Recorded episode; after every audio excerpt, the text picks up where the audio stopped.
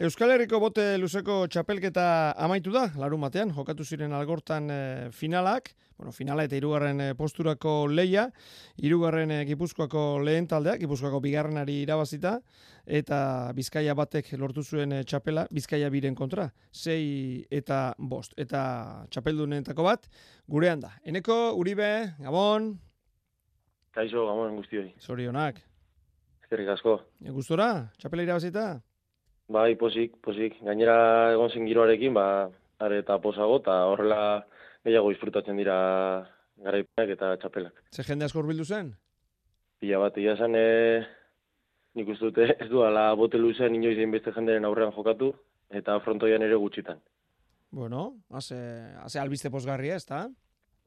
Bai, ia zen, e, algortan tartle berria tera daurten, eta auzoak eh, oso gogotsu hartu du, batez ere gazteen artean, eta algortan jokatu ditugun hiru partietan e, jende asko urbildu da. Bueno, konta iguzu, zei eta bost, e, markagailuak, markagailuari begiratuta, final estua izan zela dirudi? Bai, oso, oso estu joan zen. E, azieratik oso pareko joan ginen, azieran e, bizkaiko beste taldea aurreratu zitzaigun, lehengo hiru jokoetan, bita bat joan ginen atxetik, gero bentaja pizkat hartu genuen, sei eta iru joan ginen, e, amar minutu falta ziren erako, amar amos minutu falta ziren erako, baina e, azkenean e, biloko oso askar irabazizkiguten kontrarioek, eta denbora pasata azkeneko jokoa lehiatzen ginen, eta azkenean zazpi bost, e, gita lortu genuen, eta, eta txapela guretzako. E, derbia izateak ez dakit, pizgarri berezi ematen dio? Bai, bai, bai, bai, bai beste taldean e, lagunak eta e, urbiagoak diren ezagunak eta horrek ba, pikea sortzen du gure artean pizkat, baina bueno, oso pike sanoa, e, oso lehiakorre gara denak, baina oso ondo eraman genuen eta eta partida polita eta kompetitua geratu zen.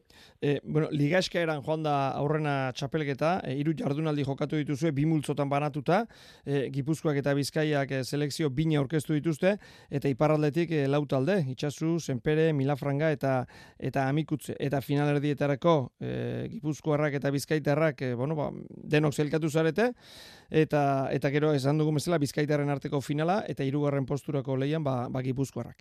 Nola joan da oroar txapelketeneko zer eh, azpimarratuko zenuke?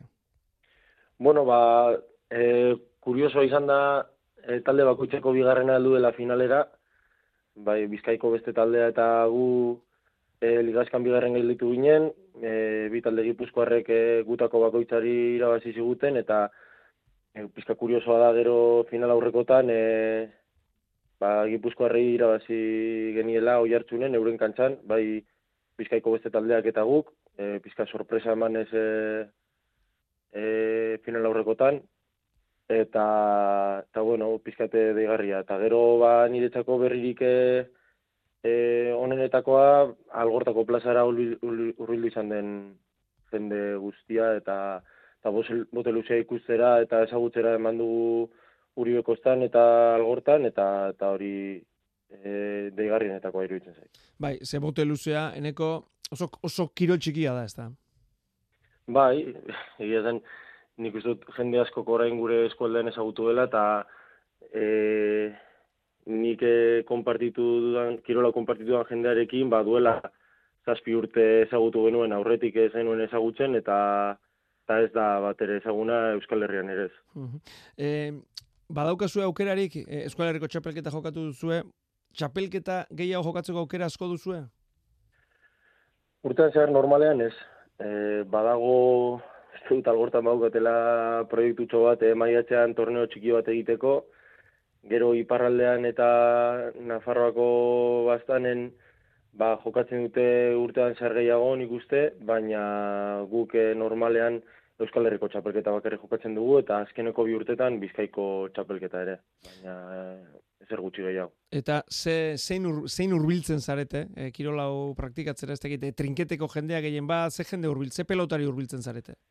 Ba, bueno, gipuzkoarren eta iparraldekoen kasuan ez dakiz zelan izango den, baina gu bizkaitarren kasuan, ba, e, keparro eta jaure, eta jaure girekin hasi ginen duela zazpi urte, zubietara joan ginen e, gipuzkoarrekin e, bertako plazara ikaste, jolasten ikastera, eta, ba, bueno, kepak bere eskutik e, bizkaiko trinketista asko eraman izan ditu beti, eta gehien bat e, trinketeko ingurukoak mugitu izan gara bote orain arte bizkaian. Orain pizka gehiago zabaltzen ari da, eta eskerparetako pelotari gehiago ere urbildu zaizkigu, baina gehien bat e, trinketan ibili garen izan gara mm. bizkaitan, bizkaian hau mugitu duguna. Bueno, orainik ere, eh? kepa arroita jaure giren arrastuak jarraitu egiten duela pelotan. E, bukatzeko, eneko, zer egin daiteke? E, pixka bat e, zabaltzeko, bai ikusle aldetik, bai pelotari aldetik, gazteak erakarri, zer egin daiteke? Zaila da, ez da?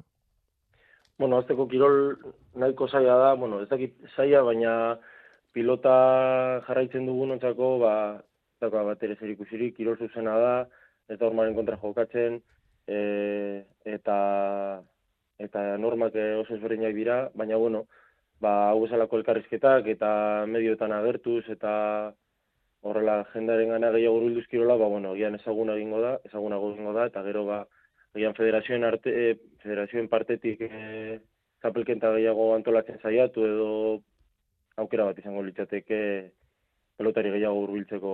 Ze gainera oso kirol sanoa da, e, pelotan ez gaude talde kirolean ibiltzera, oso kirol individuala da eta bote luzean ez da hori gertatzen eta normalan eukitzen dugun giroa e, oso berezia eta ona izaten da eta nik edo hori gomendatuko nioke praktikatzeko.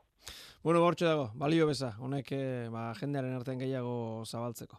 Eneko Uribe, eskerrik asko gurekin izateagatik eta zorionak berriz ere txapelagatik. Vale, eskerrik asko zuei. Vale, Beneco.